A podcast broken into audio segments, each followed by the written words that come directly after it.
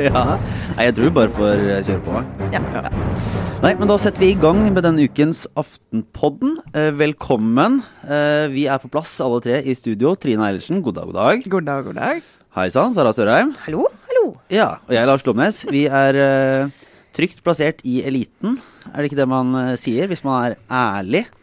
Jo, altså hvis man har valgt å eh, omfavne, eh, eller innse først, og så omfavne det faktum at man tilhører eliten, som jeg tror det er det eneste rette for oss å gjøre, særlig etter at vi i går var på den festen vi var på. Ja. Da er det ikke lenger noe å legge skjul på. Nei, og vi, vi, vi forsvarer denne da elitepraten med den i hermetegn store elitedebatten, som vel Ja, jeg vet ikke om den er så veldig stor, men den kommer nå igjen. Og det er, jo, er, det så, er det noe vi har snakka om de siste åra, så er det jo nettopp elite mot hva skal jeg si, elite og folk og anywheres og somewheres og hele denne greiene. Men det kommer nå stadig nye runder. Ja, Vi har snakket om det enormt mange ganger her eh, siden 2016. Siden brexit har vi snakket masse om det. Så det er litt sånn pussig at det nå løftes opp som eh, og der elitedebatten. Så Ja. er sånn Oh, this is so last year. Men Ja. vi kan snakke mer om elite. Ja, ikke minst. Siden vi da var på var en del, fikk, fikk et innblikk og var en del av eliten. Du eh, Trine har jo vært, uh, vært en del av eliten i, i årevis.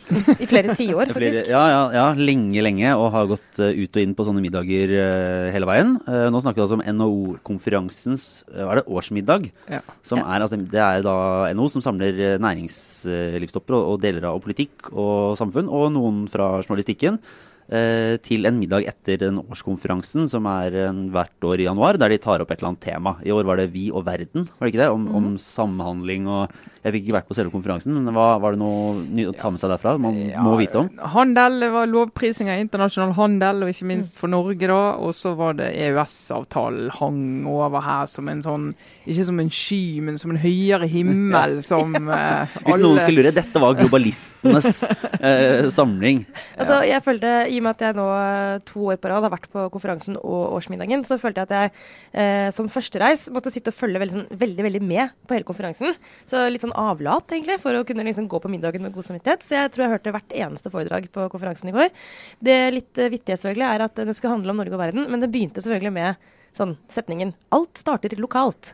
For ingen konferanse uten liksom 1000 eksempler på ja, i dette tilfellet bedrifter som har gjort et eller annet lokalt. Og så skal man sånn knytte de, knytte båndene mellom lokalt initiativ og Norge i den store verden. Så det startet veldig lokalt, og så sluttet det eh, med en debatt eller mot slutten der, som var den mest sveipende diskusjonen noensinne. Det var et panel med tre deltakere i panelet som representerte henholdsvis Kina, India og Afrika. så det var vel et, et detaljnivå som kanskje ikke var sånn det mest imponerende. Men på den annen side så var det ingen i salen heller som satt med så mange detaljer, tror jeg. Ja. Så eh, det var en konferanse som vi kan si rommet det meste. Ja, det var hvis- interessant. Ja, og, og som, en, eh, som en knagg når denne elitebegrepet og norske eliten diskuteres, så er det jo er det betimelig. For det, det er jo eh, topper og folk som, som styrer Norge. og Det er jo Klassekampen da, som de siste ukene har dratt opp denne debatten nå for alvor. Og Mimir Kristiansson var jo eh, ute der og kritiserte Aftenpodden forrige uke. Vi er jo ikke, vi er så hårsåre uh, i podkastuniverset at uh, det provoserer oss selvfølgelig til å diskutere det her enda mer. For han mente at vi ikke diskuterte Ikke tok, tok folket på alvor forrige uke.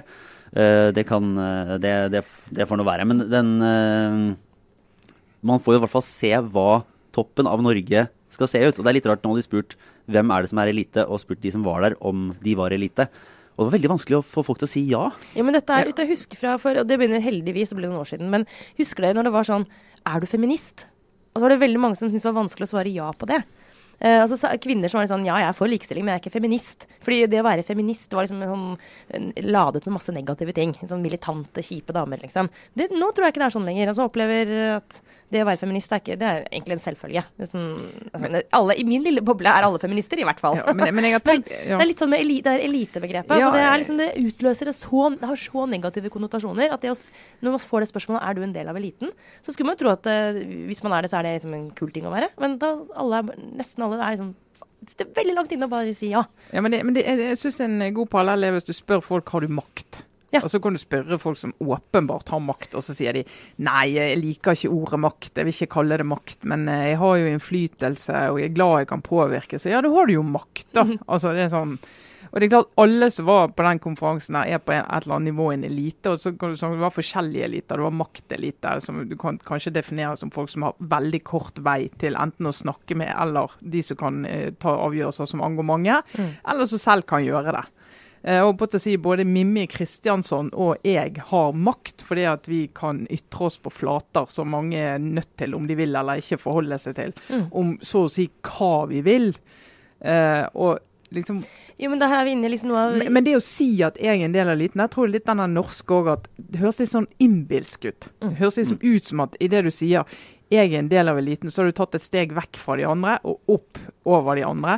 Så derfor det tror jeg mange syns det er litt sånn ubehagelig å si det, men hvis du skal liksom se på de, hva som definerer noen som er en elite, så er det jo en hel haug som må si ja, en del av en, denne type elite. Men særlig nå i med den diskusjonen vi har, og det diskusjonsklimaet vi har, ikke minst, så er jo eh, det er ikke sannsynligvis verre enn noensinne da, å skulle være en del av denne liksom, elite, såkalte eliten.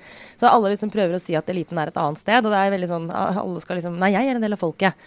Men noe av kjernen til at denne debatten ikke blir så veldig god, er nettopp at det grepet i seg selv, altså elite, det er jo ikke definert. Altså, det er det du til enhver tid legger i det. Uh, og i debatten så er som, noen ganger så er uh, eliten Da sikter man til liksom, toppledere. Eller de som tjener mer enn uh, to millioner i året. Andre ganger så kan eliten være liksom, kultureliten. Altså, en fattig kunstner kan jo rett som det er liksom, få slengt det i trynet sånn åh, forbanna elite, liksom. Så, og det kjennetegnet er jo at du vil helst ikke være en del av det, og det er en dårlig ting. Kanskje bare snu litt på det. Si sånn, det er jo veldig bra. Uh, Ethvert velfungerende samfunn trenger en elite. Spørsmålet er jo bare hvordan den forholder seg til omverdenen sin. Jo, men hele Poenget er jo liksom alle... at det fins makt, og at det fins ja. mennesker med makt, og at ikke alle har like mye makt er jo ikke et problem i seg selv. Det er jo måten den makten forvaltes på. Ja, da, det og, ja, om den, måte, om den reproduserer, altså om den er eh, ekskluderende eller eller har ja, og om det er sosial mobilitet. mobilitet ja. ja, og om, om man virker begrensende. Altså, jeg husker veldig, jeg hadde veldig tydelig en samtale av det første gangen jeg var på Norges Banks årsmiddag for eh, noen år siden. Det var det rett etter videregående, eller? Hvor, Nei, det, og da, da, var jo, da satt jeg husker jeg ved siden av en sånn toppbyråkrat, som det heter. Uh, som var høyt oppe i et departement. Og han uh, skulle forklare meg da, i den tiden jeg drev og flyttet ut tilsyn fra Oslo så var det sånn debatt om det, om det var fagmiljøer utenfor Oslo. Og han det var en voksen mann i 50-60-årene. Født og oppvokst i Oslo. Jeg tror, jeg tror, ikke han har vært vest for nord for Oslo i hele sitt liv. Alle vennene hans for han har selvfølgelig studert her, hadde hele sitt yrkesliv her. Og han sa i fullt alvor at det var, ikke, det var ikke mulig å flytte direktorater eller å ha den type fagmiljøer i andre byer. fordi at folk som var der, selv om de hadde studert juss og sånn, de, de, kunne liksom ikke forvaltning, og, og de, de, kunne nok aldri helt ta hva det var å styre et land på den måten der. Altså, han virkelig skulle forklare meg hvorfor det var bare Du måtte være i Oslo, alle disse miljøene. Og det var jurister fra Oslo som kunne forstå det, og du måtte ha gått liksom den skolen. da. Men er det, fordi han, var, er det liksom fordi han utviser forakt for vanlige folk fordi han er en del av eliten, eller er det mer sånn klassisk Oslo-arroganse? For det er ikke nødvendigvis det samme, da. Det sauses jo sammen ja, i denne ja, debatten. men, men da, da, mente jo han sånn Han forklarte jo meg at det var, det var veldig forskjell på det å ha gått den løypen han har gått, og hvis ikke du hadde gått akkurat den løypen han har gått, og hadde mm. det nettverket han hadde, så hadde du ikke sjans i det systemet. Og Det synes jeg var så fascinerende å høre på. Og tenkte jeg jøss, du, du, mener det, du. Og du er en smart, oppegående mann. Og du fikk litt lyst til å plukke opp en høygaffel og jage den ut av byen? Det var helt fascinerende. Og jeg, tenkte, jeg mener du det i fullt alvor? Jeg satt og kjente jo oppegående jurister og alt økonomer i Bergen, så jeg tenkte kanskje kunne bidra med et eller annet. Men, men dette er jo egentlig, altså, Nå begynner vi å snakke liksom, helt, altså, en, en, diskusjon som, som, blir helt reell og konkret, og derfor mye bedre. da, For det er jo, det er jo helt uh, Det finnes jo samfunn ikke langt unna. altså Tenk på Storbritannia. Tenk på liksom, de rollene som privatskolene har. Uh, Eton f.eks. Altså, hvor det er ganske sånn tydelig, hvis du ser hvem som sitter med ja, nå i um, det konservative partiet, hvem som ender opp med regjeringsmakt, så er jo veldig mange av det, i hvert fall av guttene, uh, rekruttert fra nettverk som traff hverandre. Akkurat som han mm, du snakket snakket med, beskrev. At det fins liksom én vei, eller maks to, eh, du kan gå hvis du skal ende opp med makt. Da er du over i sånn type, en type elite nettopp uten den sosiale mobiliteten. Da. Altså du, du, vi, må, vi, må, passe på at det fins veldig mange flere veier til makt i Norge enn den han beskrev. Ja, men, men det, det, det, er jo det, det som er interessant med elitedebatt. Jeg synes den er litt debatten vi har hatt siste uken, har vi en elite i Norge? er jo helt meningsløs. Selvfølgelig har vi det. Ja, Vi må jo ha det. Vi har elite, alle har elite. Og så må vi diskutere hvordan oppfører eliten seg. Eh, er det noen variasjoner? Endrer det seg over tid?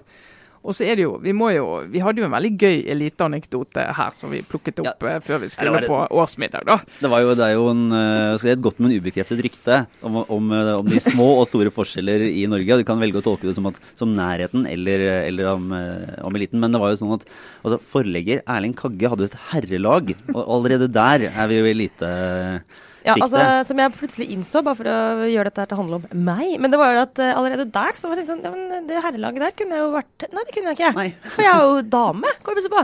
Allerede ekskludert. Ja. Men det er mange herrelag, og han er en sånn som har herrelag. Det er ikke første gangen han har det. Han har liksom hatt det noen ganger. Men, og der, var, altså, der hadde du da en, en eh, samling av folk som var Altså, For det første så hadde du sånn Altså, da, da Kagge, men, men da eh, Fredrik Hauge Harald Stanghelle, Odd Magnus Williamson, altså komikeren, og eh, Torbjørn Røe Isaksen. Jon Christian Elden, advokaten. ja. Så jeg på Facebook. Han la et bilde derfra. Ja. Og Mimir Kristiansson. Ja, og det er det som er poenget her med denne historien, egentlig. og kronprinsen. Ja, og, og, og, hvem av disse har ikke lagt ut bilde på Facebook av at ja. de var der? Ja. jo, det er kommunisten og prinsen. ja. Altså, det, det, er jo, ja, så bare det er eh, anti-elitegeneralen som eh, sitter i herremiddag med, med kronprinsen. Og da Er eh, spørsmålet sånn, er det halvtomt eller halvfullt glass? For det, ja. det, her går det an å se på to måter. Det ene er at for et fantastisk samfunn. da, At liksom du har eh, ikke, ikke, Det er ikke større forhold her enn at den personen i hvert fall med aller mest symbolsk makt, da, nest mest etter kongen, det er jo kronprinsen. Altså, da er det kanskje ikke heldigvis får vi si, så mye reell makt i det, men det er i hvert fall liksom Mer elite enn kongefamilien kan det vel egentlig ikke bli. Uh, at, at, han kan sitte liksom, på en vanlig hverdag sammen med eh, nyhetssjefen i den avisen som er sånn, den uttalte liksom, anti-elite Hva skal vi si for noe? Altså liksom, leder an i kampen mot sånne som han. Men på dagtid gjør vi det. På kvelden sitter vi sammen og hygger oss og drikker vin. Men på den annen side så kan du også se på det nettopp som en, en sykdom. Et symptom på liksom alt som er galt. Eh, fra, ja, fra Klassekampen, avisa som skrev om hvordan ungdomspartienes eh, ledere var for gode venner. Ja. Eh, og det komiske med det, faktisk jeg vil nesten si tragikomiske, eh, er jo at alle vi som sitter og diskuterer dette med eliten og sier sånn Du er elite. Nei, du er elite. Nei, du er elite. Eh, det eneste som kjennetegner oss, er vel egentlig at vi er alle sammen i en andedam. Og de som vi til enhver tid liksom skal snakke på vegne av, de slipper jo ikke til. Nei. Det er jo litt sånn snikskrytete, den elitegreia òg, da. For det er jo et gode, åpenbart. Altså, det er liksom å være en del av eliten. Å, ha, eh, å være redaktør i en avis og ha en, en plattform og være på sånne ja. anledninger, det er jo, et, altså, det er jo makt. Uh, og, og, det er jo en positiv ting i, i samfunnet å ha. Men, men det, er, det, er, kort vei til innflytelse og påvirkning. Uh, ja. og det har, hvis du, For det første, hvis du bare oppholder deg i hovedstaden, så er jo mye gjort uh, på den måten hvis du er opptatt av å Du skal være satt i Bergen i mange år, og så altså på så mye rare saker og journalister som fikk gjennomslag. og Det er sånn opplevelse du har der, og du tenkte på liksom Du kunne gjøre grundig og godt arbeid, men det nådde liksom aldri gjennom lydmuren. Kom aldri i Dagsnytt 18. Ingenting, mens terskelen for liksom bare plukke en eller annen sånn lettvint eh, kommentar eller sak fra Dagbladet eller VG, det var, var, var ikke-eksisterende. Og da tenkte du at ja, det er jo ikke det at liten alltid er så veldig sånn eh, altså, så veldig mye bedre på noen slags måte kvalifisert eller har med rett på den innflytelsen enn andre har, men de er riktig plassert. Mm. Uh, og, men det er jo litt sånne ting som gjør at det er viktig å diskutere det. da, Hvem som har direkte kanal ut til mange folk. Mm. Hvem som kan påvirke de som skal ta beslutninger. Derfor må vi diskutere hvem eliten er og hvordan de oppfører seg. Men at vi har det og hvem som er det, det er nesten litt sånn idiotisk. Ja, så, så jeg, men et mer, jeg mener at et mer konstruktivt spor enn å liksom bruke begrepet elite og diskutere eliten, det er egentlig å snakke om representasjon. Mm. Uh, og, og, hvem er det som er representert der hvor uh, makten sitter? Fordi uh, akkurat som når vi diskuterer elite, så er det akkurat som at vi diskuterer er det riktig at makten sitter hos noen få. Altså jeg mener Du kan, du kan mene hva du vil om det, men du, du må, sånn som vi har organisert oss, da, så har vi f.eks. et representativt demokrati. Altså Vi har valgt folk som skal sitte og forvalte makt på våre vegne. For å ta et åpenbart eksempel. Men Problemet er jo ikke at makt er sentrert, eller at makt fins. Problemet oppstår jo hvis det er store grupper som ikke er representert der. Mm. Det, og det er et mye mer konstruktivt spor, og det går også inn i politikken. Hvis du ser på um, Arbeiderpartiet i Norge, eller sosialdemokratiske partier egentlig i hele Europa, som opplever at de mister grep på store velgermasser, så handler det også ikke nødvendigvis om noe forakt for folk. Det, det, det handler om at det er store velgergrupper som ikke er, lenger er representert i partiet. Og det er da liksom, de mister den kontakten. Og det skulle jeg ønske at vi kunne snakke mer om det, og hvordan løser vi det, enn å liksom stemple uh, ulike miljøer liksom, som om de er fulle av forakt. Det, er det, det, det provoserer meg. Ja. Uh, og særlig etter sånn som den årsmiddagen da, på, NO, eh, på NHO i går, så er det sånn ja, det er helt åpenbart at det er en form for elite som sitter der. Men når du begynner å snakke med dem altså Det er sånn at du, du setter deg til bords. Og så, ja, Det må vi forresten fortelle litt om. Den der helt vanvittige altså den bordsetningen på den middagen. Det, det kan man lese mye inn i. Ja. Men er at de av oss som sitter på vanlige bord, da, de som ikke er på de beste bordene, Sånn som Trine Eilertsen sånn som Trine her, vi, da er det liksom kanskje åtte, er det åtte på, per bord omtrent. Eh, så blir Ja, åtte-ti, ja. ja. Eller annet sånt. det blir plassert Langbord. på et langbord, men det er ikke liksom altså, innenfor bordet, så kan du sette deg hvor du vil. Og da eh, hender det jo, i hvert fall hvis du da i et litt uoppmerksomt øyeblikk ikke, liksom, ikke flokker deg sammen med de du kjenner, sånn som journalister alltid gjør, men faktisk må sitte og snakke med noen du ikke vet hvem er fra før. Det er jo en krevende øvelse for mange av oss i Oslo-gryta. Det som viser seg da, er jo at eh, også de som er på middagen, representerer liksom, helt vanlige nordmenn som driver med verdiskapende arbeid ute i distriktene. Og når du begynner å snakke med dem, tenker du sånn Ja, og mange av dem er ledere, men det er først og fremst representanter for norsk næringsliv på et ganske sånn flatt eh, nivå, da. Ja, så selv den eliten er jo ganske rep apropos representasjon, ganske representativ for norsk Norges befolkning. Det er jo ikke noe sånn, De sitter ikke med hermelinkapper og Nei, nei, og så er det jo, det er jo sånn vinglete. minglete. Innafor, denne innenfor den eh, gruppen så er det jo også sånn at man, det er buffé, så man går i, opp til et bord og henter, seg, henter ulike retter. Og da står man og prater med forskjellige folk. Det er liksom minglearenaen. Uh, og så er det når på vei inn, så må alle stå i kø. Uh, også sånn når Jens Stoltenberg havner bakerst i køen, så står han bakerst i køen. Det er bare noen, eh, sånn som Sara og meg, som sniker litt i køen. Men du kan røpe da, at det var et par statsråder, det er jo mange fra regjeringen der, som etter å ha lest intervjuet med Trygve Slagsvold Vedum i Klassekampen, som dere snakket om forrige uke, hvor han kom med sine sånn ti teser for å lykkes i politikken for tiden, så var jo et av hans poenger, som dere kanskje husker, var jo at uh, han aldri sniker i køen. Og han bruker ikke engang muligheten til å gå i fastlane, selv om han har en billett eller sånn gullkort, noe som jeg mener er helt Helt idiotisk, men det er en annen diskusjon. Men, men så jeg merket det ble en sånn egen jeg og Lars. Vi har ingenting å tape. Vi sneik i køen, så klart. Gadd ikke å stå i kø. Men jeg så liksom det var liksom Den ene politikeren etter den andre som var veldig sånn Her står jeg helt stille! Ja. og, og til og med folk som hadde hadde en rolle, som sikkert kunne fått hjelp av en motor som kom med seg raskt inn, var sånn veldig Ja. Så nå tror jeg liksom han har satt en sånn standard som de må slite med i årevis. Alle de andre kommer til å fortsette å snike, men de stakkars statsrådene må stå der og vente. Men, men. Det har de kanskje bare godt av. Eh, nei, bare egentlig avslutningsvis. Det jeg tror som er et, et element i den uh, elitedebatten, er at de som sitter inne i bobla Altså jeg tror vi også, da, vi da, som sitter i lille, face- lille sånn uh, podkast og vår egen lille verden her Altså, vi skal erkjenne at det er veldig vanskelig å se ut. At, at den Ja. avstanden antakeligvis er større enn det vi tror sjøl. Ja. Når man sitter og Men helt klart. Altså at det, det må bare være klar over at det er Altså, verden er mye større. Den er der ute. Og eh, vi ser den antageligvis ikke så godt som vi burde. Nei, jeg tror det er sånn skritt én. Åssen er det? Første skritt er å erkjenne at man Ja. har et problem. Er det ikke Ja. sånn? Ja, men så, så er det jo da, og det her er jo virkelig å spenne beina under alt vi har snakket om nå. Men er sånn, jeg satt her og, og knastet på noe som skulle bli tenkte jeg skulle skrive litt om det, det lite greiene da. Og så av og til ser jeg for meg noen sånne lesere som jeg har i hodet, som jeg håper å kunne skrive og treffe for. Og treffe. Og de bor jo ikke nødvendigvis her. Uh, og da tenkte jeg men de, de er jo blaffen i denne debatten her. Fins det noe mer elitistisk enn å skrive opp og ned om hvem som er eliten? Er Du elite, du er ikke det. Altså, de, er jo helt blaffen i det. Jo, men- men- det, her er skikkelig sånn ja. åndedam-diskusjon. Ja. ja, men fader heller, hvis de gjør det. Altså, nå skal jeg si sånn som ledere sier avslutningsvis. Sånn der, Kan jeg få utfordre det litt? Når man er helt uenig. Istedenfor sånn Hold kjeft, du tar feil. Fordi hvis jeg skal utfordre den påstanden, så tenker jeg sånn Det er ingenting jeg skulle sluppet å ha den der forbanna elitedebatten. Hvor er det det kommer fra da? Altså, sånn, men det virker jo som I hvert fall hvis man ser på Senterpartiet, da, og på den retorikken til, til Trygve Slagsvold Vedum, og de tallene de har på menings... Altså, det virker jo Men det er helt jo reelt. fremdeles bare 10 som sier de skal stemme på Senterpartiet. Er liksom ikke 90 Altså, Nei, ok, et- et ja, nei, Poenget det er mitt er at de fleste der ute holder jo på med helt andre ting enn de metadebattene vi holder på med. sant? Så det virker som nå all hele velgermassen er i opprør og hater eliten, men Trine får et sånn eksistensielt uh, sammenbrudd der. Bare, ja, litt ja, det, bare, altså. Hva er det vi driver på, med? Hva er det vi driver Ja. med? Ja. Nei, da hjelper ikke det vi holder på med her, i hvert fall. Nei, men altså, det er jo så herlig meta. Altså, det er, vi er jo, jeg har en elitediskusjon. Det som vel fortsatt er- det vel er et slags elitemedium. Jeg vet ikke hvor mange som hører på podkast, men ja, uansett. da. Vi, nå gjorde vi et ærlig forsøk på å gå inn i denne debatten. Det eneste vi kan si helt sikkert passe.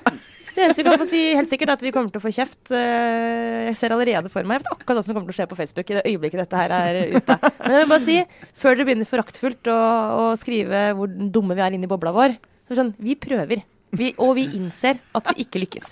Takk for meg.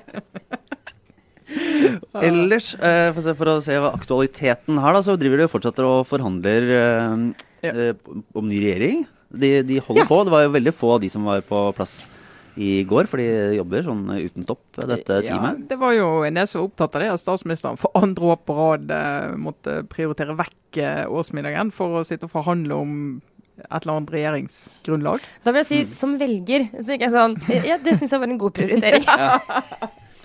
Men eh, vi vet, altså, egentlig om det skjer noe nytt Det var noen som snakka om det, en, en, en eh, borgerlig politiker i går som er sånn Det må være så utrolig frustrerende å sitte der ute, fordi de vet at de må bli enige. Det er ikke noe sånn det er, Alle Ja. som sitter her, har sånn De kommer til å bli bli enige, og så kommer det sånn Det var ikke en KrF-er, da. Så kommer KrF til å så, eh, si ja, men vi trenger mer på det. Ja, men vi trenger mer på det. Og sitte og gnage på dette her nå i, Ja. i dag etter dag. jo, men det er ikke så mye penger. Det var en annen som sa i går, Mm. et godt poeng. Det var at eh, ja, slitsomt med liksom, å, du, vet, du kan egentlig se for deg alt som kommer til å skje. Du må bare leve gjennom det. Det er litt som en fødsel. Liksom. Du kommer ikke unna på slutten av et svangerskap, men du må bare OK, du må bli ferdig. Men, uh, men eh, KrF er ikke så dyre. Ja, Det er ikke riktig. Det er ikke riktig, Ja. Det mener jeg var helt feil. Det er klart de er dyre. Jo, men altså, det, de krever Barnetrygd og lærernorm og alt det der. Jo, men det er billigere enn å ha en, helt, en, å ha en forsvarsreform, liksom, tross alt. Disse her verdisakene. Nei, er det, det så kostnaden sånn. Dytte litt, penger, dytte litt penger på en sånn bibelskole på Sørlandet. Ja, det, kan vi, ja det, det, det, er jo, det er jo partiet for alle de små summene, da. Ja. Det er jo alle de små partiene. Men, Men det- eh, men Altså, det er for- likevel Dyrt er relativt, da. Du kan si Ja, sånn i sum. Altså, du kan si at det er mye penger for uviktige ting. Men i sånn, hvis du ser på sånn summene, så er det ikke sikkert at det velter nasjonalbudsjettet, liksom. Du, du er skarp nå, eh, Søren. Det viktige ting. Nei, men altså, det som eh, snakkes er jo masse nå. Snakk, snakking rundt eh, disse her forhandlingene. Det er jo er selvfølgelig Mange var veldig glad for at Erna dro til India et par dager. fordi at eh, hun er jo Så hun har ikke pauser. Hun skal bare sitte og snakke og forhandle og forhandle og forhandle. Og forhandle. Og da eh, lot jeg meg fortelle i går at eh, sånn som Erna og Trine Skei Grande, de, de kan bare sitte og snakke om politikk sånn i det uendelige. De trenger ikke pause. De kan liksom bare Maten kan komme, de kan spise og snakke, maten kan gå.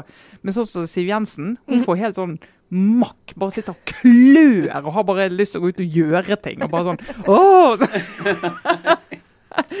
og så eh, er det jo en spekulasjoner i hytt og pine om selvfølgelig statsråder. eh, Ja. Og da er nå det siste siste teorien som er ute nå, det er at eh, Høyre og Frp skal avgi hver sin, og så skal de lage en ny statsrådspost til KrF. Da, for at dette skal for det, Hvis de skal gi tre, altså bytte ut tre, så blir det noe med balansen, og Høyre blir for svak. og Det blir litt sånn Det er tross alt største partiet. Det er jo en del i Høyre som er opptatt av å minne om Ja. Må Vi har kanskje ikke noe politikk på at lenger, men vi er største størst. parti. Ja.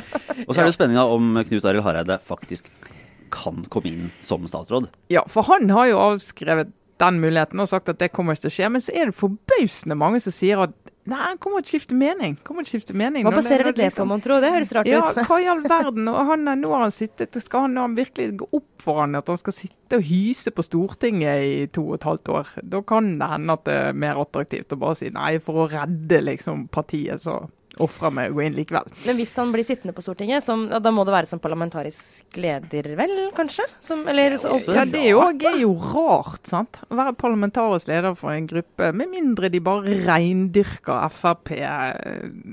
Frp-tesen om at du har ett parti på Stortinget og ett parti Ja. i regjering, da. Men det er også interessant hvis, han da, hvis, hvis Ropstad tar med seg sin gjeng inn i regjering, og Knut Arild sitter igjen med, med eller Hareide sitter igjen med eh, en slags sånn, den røde delen på Stortinget. Da. Altså, det er jo en helt, helt utrolig pussig konstellasjon, og ikke veldig konstruktiv. Hele poenget med å velge side må jo være at de kan stå samla. Ja, og Ikke- hele, ikke alle sier at de er nødt til å ha altså Hvis eh, Bollestad og Ropstad blir to av statsrådene, så er den tredje nødt til å være fra litt sånn rød, rød side. da. Ja. Altså der partiet er nå. Og nå har jo de eh, fargekodet hvert eneste KrF-medlem. Mm. Det finnes jo ikke en eneste ikke kommunerepresentant som ikke er fargekodet rød eller blå. Plutselig så dukker det grø partiet. Grøvan opp, vet du. Nei. Og en gul. Ja. Ja. Men eh, er det, hva, hva blir det? De vil ha blir en, eh, De tar over en bistandsminister? Ja, det er jo den store Det er jo det alle regner med, at det er den de vil kjempe for. Men som, som jeg sa til meg i går, at ja, et parti som har tre statsråder, hvor lurt er det å ha en statsråd som er på reise hele Mm. tiden og ikke kan eh, og da eier et politikkområde som egentlig er løst. altså Det er ikke et politikkområde så mye opp i mediene. Du får ikke markert partiet overhodet mer enn når statsbudsjettet blir lagt frem. Eh, og du, da mister partiet på en måte en profil som kan vise de frem, uh, frem mot 2021 og valget. da. Mm. Så vedkommende mente at de burde jo se på andre litt nærmere departementer, altså, og tenke base og velgere uh, for å kunne vise seg frem der. Ja, men, altså, type sånn barne, ungdom og likestilling, eksempel? Ja, det er jo et godt Eh, departement. ja. Og så eh, en som luftet olje og energi med tanke på Vestlandet, at det kunne være noe. Ja. De kommer jo til Altså, er det noe... Men så var det en som sa ja, men de er jo et emo-parti, vet du, så de skal jo inn i bistand og føle at de gjør det rette. Det, apropos foraktfullt, ja, ja. tendens, tenden, tenderer til å være det, vil jeg si. Men det er jo, ja, det er av alle ting som man skal kunne spå eller tro om 2019, så jeg er rimelig sikker på at de ender opp med en form for bistandsminister. Jeg tenker at det ville vært du, det helt jeg- kontrært hvis de skulle velge noe annet. Det Men rent på det personlige planet, helt uavhengig av, av, av politiske konsekvenser, så stakkars Nikolai Astrup. Altså som altså, For å si det sånn, stakkars lille rike pike, holdt jeg på å si. Man, altså, det er ikke noe synd på han, men det faktum at han er veldig hvit og veldig fra Oslo, og, og også veldig veldig rik, har gjort Det siste er ikke så relevant, da, men han har jo, som den dyktige politikeren han jo er, liksom ikke kunnet komme inn i regjering fordi eh, det er liksom akkurat den kvota der man ikke trenger. Ja. Eh, og så fikk han endelig fikk han liksom, kom han seg inn i kabalen. Og så går det jo ikke lang tid også hvis han ryker ut nå fordi KrF må få bistand, så ja. Ja, da, ja. Men, men. Det, får vi, Ja, det, det fins verre sorger i livet enn å måtte gå ut av en regjering, så han lever vel med det. Men uh, en annen interessant ting er jo da hvem som eventuelt da går ut. Altså hvilke statsråder som uh, ikke får være med lenger. Nå, jeg vet ikke om de sitter og skuler på hverandre, men noen, minst én da, eller minst to, sannsynligvis mister jobben. er, det, er det noen si, favoritter til, til å gå ut, eller er det Nei, altså, jeg synes det har vært veldig, det har vært veldig lite. Det pleier ofte å være litt sånn rykter og sånn på det, men uh, de ryktene vi har hatt tidligere, de har nesten aldri slått til. Så det, dette har de Det er jo veldig dumt. Uh, så dette klarer de på et eller annet vis å holde ganske tett til brystet. Altså, Det de det er lettere, altså, det er flere som driver og vil lekke at de kanskje blir vurdert til å gå inn i en regjering, enn som vil lekke at de kanskje blir vurdert til å gå ut. Ja, rart. Ja, det hvis en- alt dette skulle stemme, så vil vi ha en regjering på ca. 70 personer. Ja. Nei da. det blir, eh, det blir eh, Men de, de snakker om at ut i neste uke, da, må Ja. de nærme seg ferdig. Sant? Det Mandag-tirsdag-ish. Og Høyre de skal ha en sånn svær felleskonferanse søndag til mandag, så mange der hadde håpet at de skulle få lov der å forholde seg til dette. Eh, Men de tviler på at eh, forankring er ferdig i partiene før ut i uken. da. Så kan vi jo Det vente. er, mer, det er merkelig at eh, det blir så veldig fort hverdag, de der regjeringsforhandlingene. Tenker som for, Mm. et, altså for et, litt over et år siden så, så var det to partier i regjering, og eh, sentrum var ikke på, var ikke på vippen engang, liksom. Det var bare, eller, altså, de satt jo da utafor, og det virka ikke som de skulle inn i det hele tatt. Og nå er det sånn Ja ja, ja, de kommer vel med en ny regjering, da, med fire partier, og Ja. er ferdig om, om en altså- ukes tid. Det er litt sånn Ja, de får vel fortsette. Det er litt sånn Men som en uh, sentralnorsk politiker sa i går, at uh, kom hverdag. Vær så snill, kom hver dag og skyld over oss. Eh, et lite sånn matt refleksjon over fjoråret i norsk politikk. Eh, og så var det en, en annen som sa sånn, ja, men det var vel mye pressens feil. Og det skal vi, og det er veldig ofte vår feil, men eh, den politikeren sa faktisk sånn, nei, vet du hva. Eh, Nei, det var ikke bare pressens feil. det var jo så sjeldent. Det var jo sånn, det var jo sånn vakkert øyeblikk. Hvor vi sånn, ja, nei, det var, det var mye rart som skjedde. Ja. Eh, så får vi se. Altså, det skader ikke om det blir litt hverdag fremover, Lars. Men, eh, Litt kjedelig for oss, men sånn bra for demokratiet. Men eh, av, av hverdagslige småsaker, så en obligatorisk refleksjon eh, inn i, inn i dette. Så var min, altså den saken som NRK har dratt videre egentlig fra avsløringene som Aftenposten hadde om disse reiseregningene på Stortinget. Eh, så var det jo nå Helge André Njåstad i Fremskrittspartiet sin tur, for å si det sånn. Mange turer. Eh, han har jo da blitt avslørt, kan man si, i å legge en del jobbturer til steder i Norge der han også hadde hyggelige sosiale anledninger, da. Ja. Altså til, eh, til Geilo i påska, og på et hotell på moras bursdag og en del sånne anledninger. Og han, han står jo fast på at dette er godt innafor reglene. Eh, men som en annen eh, stortingspolitiker sa, er jo ikke greit. Kan, dette er liksom, det, er en, det, er en, det, er en, vanlig ting, kanskje. Altså, jeg skal ikke si, Det er mange journalister som har lagt jobbturer til uh, steder de syns er personlig interessante. Du mener Washington DC og New York, f.eks.? For eksempel.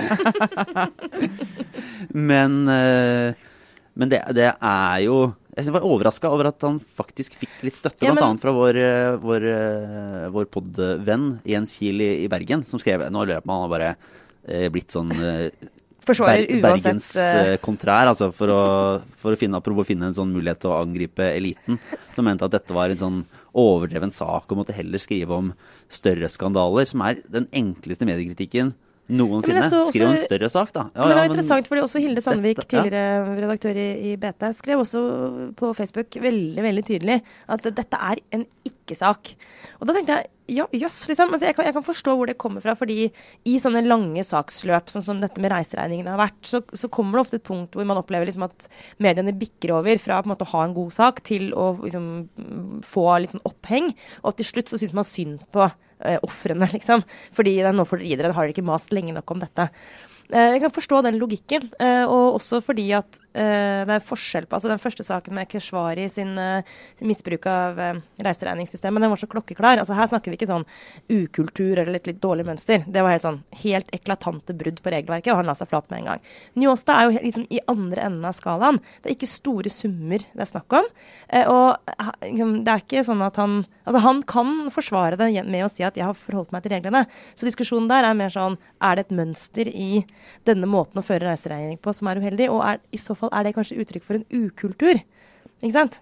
Og ja. da er det sånn Er det en ukultur blant stortingsrepresentantene, i hvert fall i enkelte partier, hvor ja. de, de, bryter ikke reglene, men de legger seg bevisst akkurat på yttergrensen av hva som er greit? Og er det liksom OK? Det er egentlig det, det er egentlig ja, den diskusjonen. Og klart det er en sak. som stortingsrepresentant så har du et litt annet ansvar for å Altså, du skal møte folk der ute i landet og folk som har interessante innspill til deg som politiker. og Det kan ikke vurderes av hvor du har lyst til å reise på ferie, eller hvilke sånne familieanledninger ja, men skjønner hva jeg mener, at Det er ikke så lett å si at Njåstad sånn, han har ikke definitivt brutt reglene, men det kan likevel være et pro problematisk. da. Ja, ja men, det, men, det, handler jo litt om altså, at stortingsrepresentanter de mener jeg helt oppriktig skal gå foran med et godt eksempel. Og jeg merker, altså Bare i en privat eh, bedrift, hvis du merker at du har en, eh, en ansatt som alltid skal tyne regler så langt det lar seg gjøre for å liksom cashe ut mest mulig. Så du sier OK, det er akkurat innenfor, men det er noe med, du merker av og til det er liksom på holdningen. Mm. At det er liksom ikke en krone du ikke skal klare å Og liksom at den designer opplegg for at du skal få Det, det er ikke god kultur, da. Mm.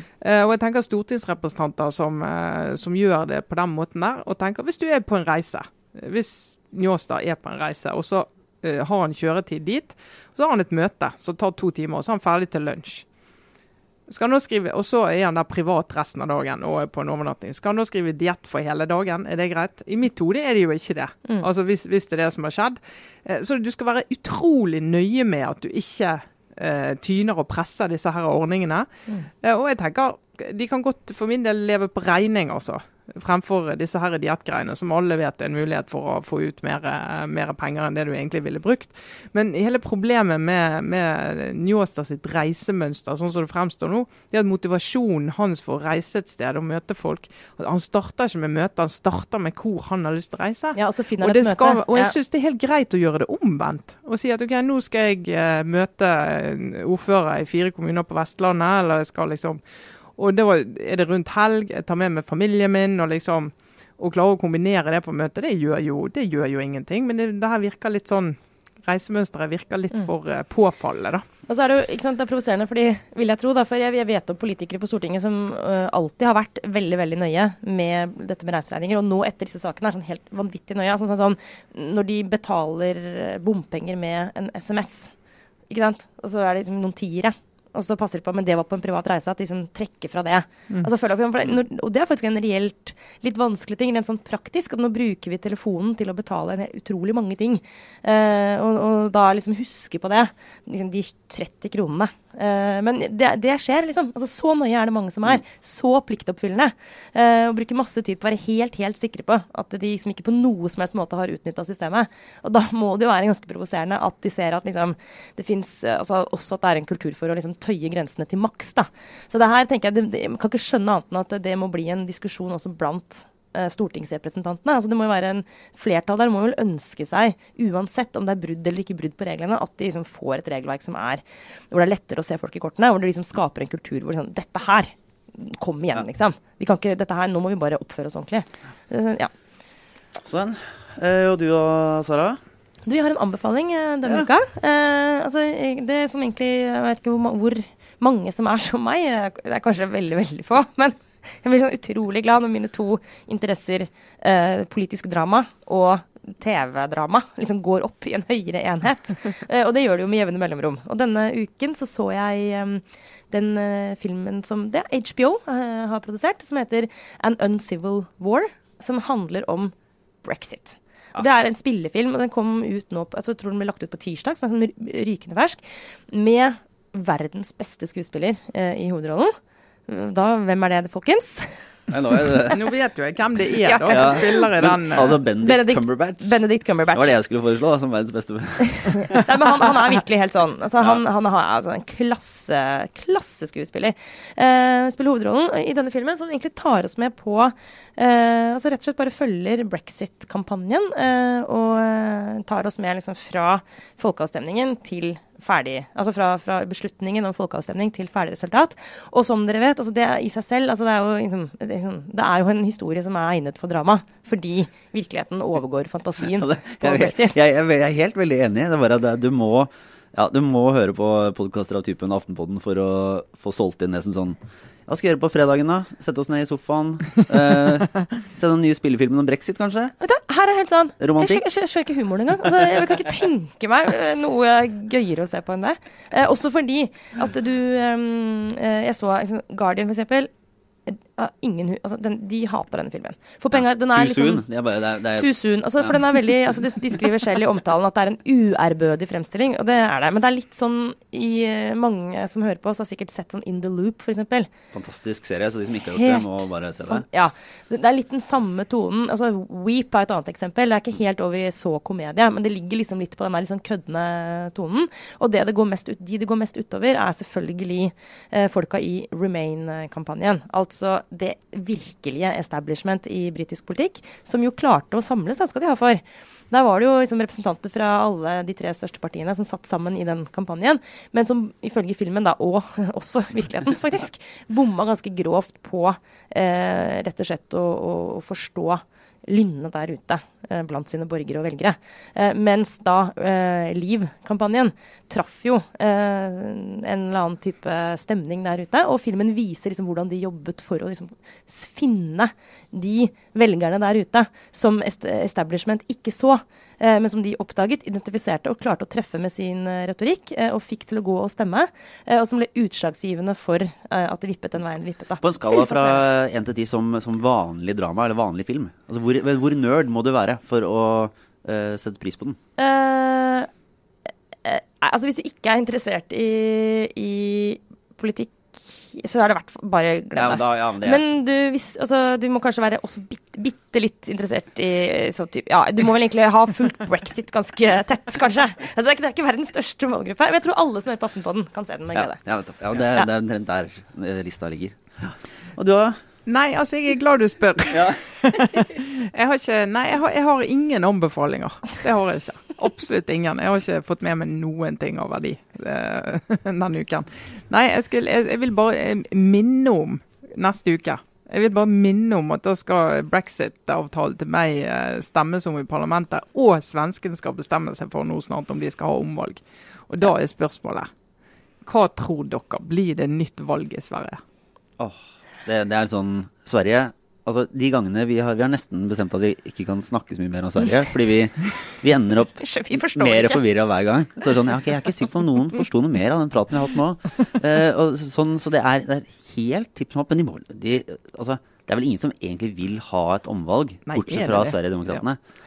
Jo, men eh, nå, altså eh, Det her er helt latterlig, fordi det som dette har vi sagt mange ganger, men er det noe vi lærte av det som egentlig viser seg tror jeg, å være liksom revolusjonsåret 2016, like it or not altså, det som, altså med, med brexit og Trump, eh, som jo tok oss alle på senga, det vi lærte av det, blant annet, var jo at vi er kjempedårlige til å spå. Eh, apropos den uh, Uncivil War, den filmen, eh, som jo dokumenterer også hvordan liksom Og egentlig også apropos hele den elitediskusjonen, hvordan vi bare ikke ser store grupper der ute. Men likevel, hvis jeg likevel skal spå, så tror jeg at det blir omvalg. Ja, det-. Jeg bare, apropos den, stemmer det at den undersøkelsen som Klassekampen har basert mye av de sakene sine på i den elitedebatten, er fra 2015? Ja, Det er det er fra før brexit, i hvert fall. Før brexit og Trump? Det er som en annen verden. Ja, kan- alt har jo skjedd siden den gang. Ja, men altså Helt konkret så viste det seg jo at eh, veldig mange av de eh, metodene blant annet man la til grunn i meningsmålinger, er jo basert på registrerte velgere, eller, eller altså folk som man har vært i kontakt med. Så, mennesker som har stemt før, f.eks. Mm. Altså, det sånn helt, altså, fram til 2016 så var det sånn at store velgergrupper eh, Det var ikke at man ikke tok de med i eh, målingene. Man de, altså, visste ikke at det eksisterte engang. Altså, Mm. Folk som aldri har stemt, folk som aldri har blitt hørt. Apropos representasjon. Den tabben tenker jeg sånn det, det 2016 var et vannskille for det. Altså, det er ikke sikkert at man lykkes noe bedre med å identifisere og finne disse velgergruppene, men nå vet vi i hvert fall at de er der. Og prøver i hvert fall. Uh, og det griper jo inn i hele den elitedebatten. Vi får se hvordan det Men ja. Ja, men det var bare det om det omvalget. da, for Jeg bare hørte en, en undersøkelse i Sverige som ble referert. og det var det at den tilliten, Svenskenes tillit til det politiske systemet og politikerne har jo falt eh, ganske markant i høst. Eh, Som følge av at de ikke har klart å stable ny regjering på beina. Og det er litt sånn, Hvis det nå skulle bli nyvalg, da, eh, så er jo det en veldig sånn klar bestilling. At de er nødt til å gå inn i, det, i den lille valgkampen de da må ha. eh, Med en litt mindre sånn låste standpunkt enn det de har gjort eh, når de gikk inn i denne valgkampen. da. Mm. Altså Da må de kunne si at ja, nei, det var ikke det vi lovet. Vi har endret eh, Nå er ny valgkamp, nye løfter. Ja. Eh, Vi går inn på en ny måte. Altså Det må bli ganske annerledes. Hvis ikke blir det jo bare en forsterkning av situasjonen de har nå. Ja, men det, ja, jeg er helt enig i det. Problemet er bare at eh, den, det som jo ikke kommer til å endre seg, sannsynligvis, er jo holdningene til eh, et mulig samarbeid med Sverigedemokraterna. Nei, da- men Nå må de løse opp på de andre eh, altså konstellasjonene. sant? At de liksom går mye friere inn, og ikke bare si at vi er nødt til å bare finne en løsning etter valget. Helt Ja, de må- uavhengig av blokker og De må løse opp blokkene. Ja, det er sant. Mm. Nei, men eh, Da kan vi egentlig runde av med et eh, nytt, lite godt, men ubekreftet rykte. Ja. eh, som var at, eh, at eh, en, en herværende politisk eh, redaktør Det er, det er altså eliter og lille Norge. Du kan også tolke det her i altså, Igjen da, sånn, er glasset halvfullt eller halvtomt opplegg. Der eh, Eilertsen eh, på NHOs årsmiddag eh, finner ut at nå er det på tide å dra hjem. Hvem er det vi står og prater med? Jo da, Jens Stoltenberg. Han syns sikkert også det er dyrt å ta en taxi hjem. Så det fore- foreslår å, å dele, den, eh, dele den turen. Der Natos generalsekretær heller sier ja, men jeg har en sånn pansret bil, jeg. Så du kan sitte på hjemme med meg. Ja, og det, og det takket jeg ja til. Ja. Så da eh, ble jeg kjørt til døren av en pansret politibil. Det, var, det må jeg si. That's the first. Det er folkelige. Det er folkelig. ja, det er folkelig. Så det er vårt nabolag, da. Ja. Folk flest. Nei, men eh, da takker vi for denne gang. Så er vi tilbake neste uke. Det spørs eh, Vi får se litt på timingen. Det er mange ting som skjer. Og eh, ja, i både Vi kan og risikere altså, nyvalg i Sverige, fullstendig kaos i Storbritannia og nye statsråder i Norge, faktisk, neste uke. Hvis Ja. alt dette skjer i løpet av mandag og tirsdag, da, da melder vi oss. Ja. Det tror jeg vi kan si. For en pakke det kan bli. Nei, men eh, takk for i dag. Det var Trine Eilertsen, Sara Sørheim, jeg er Lars Domnes. Ha det bra. Det er Lars her. Jeg har lyst til å annonsere litt. Fordi hvis du er en lykkelig abonnent eh, digitalt på Aftenposten, så har vi nå en ekstra god deal som gjør at du kan få det ypperlige A-magasinet levert hjem hver fredag. Det kan du prøve i to måneder, altså åtte utgaver for eh, kun kroner 99. Og da går du så enkelt som det kan gjøres til ap.no slash amagtilbud. Altså ap.no slash amagtilbud.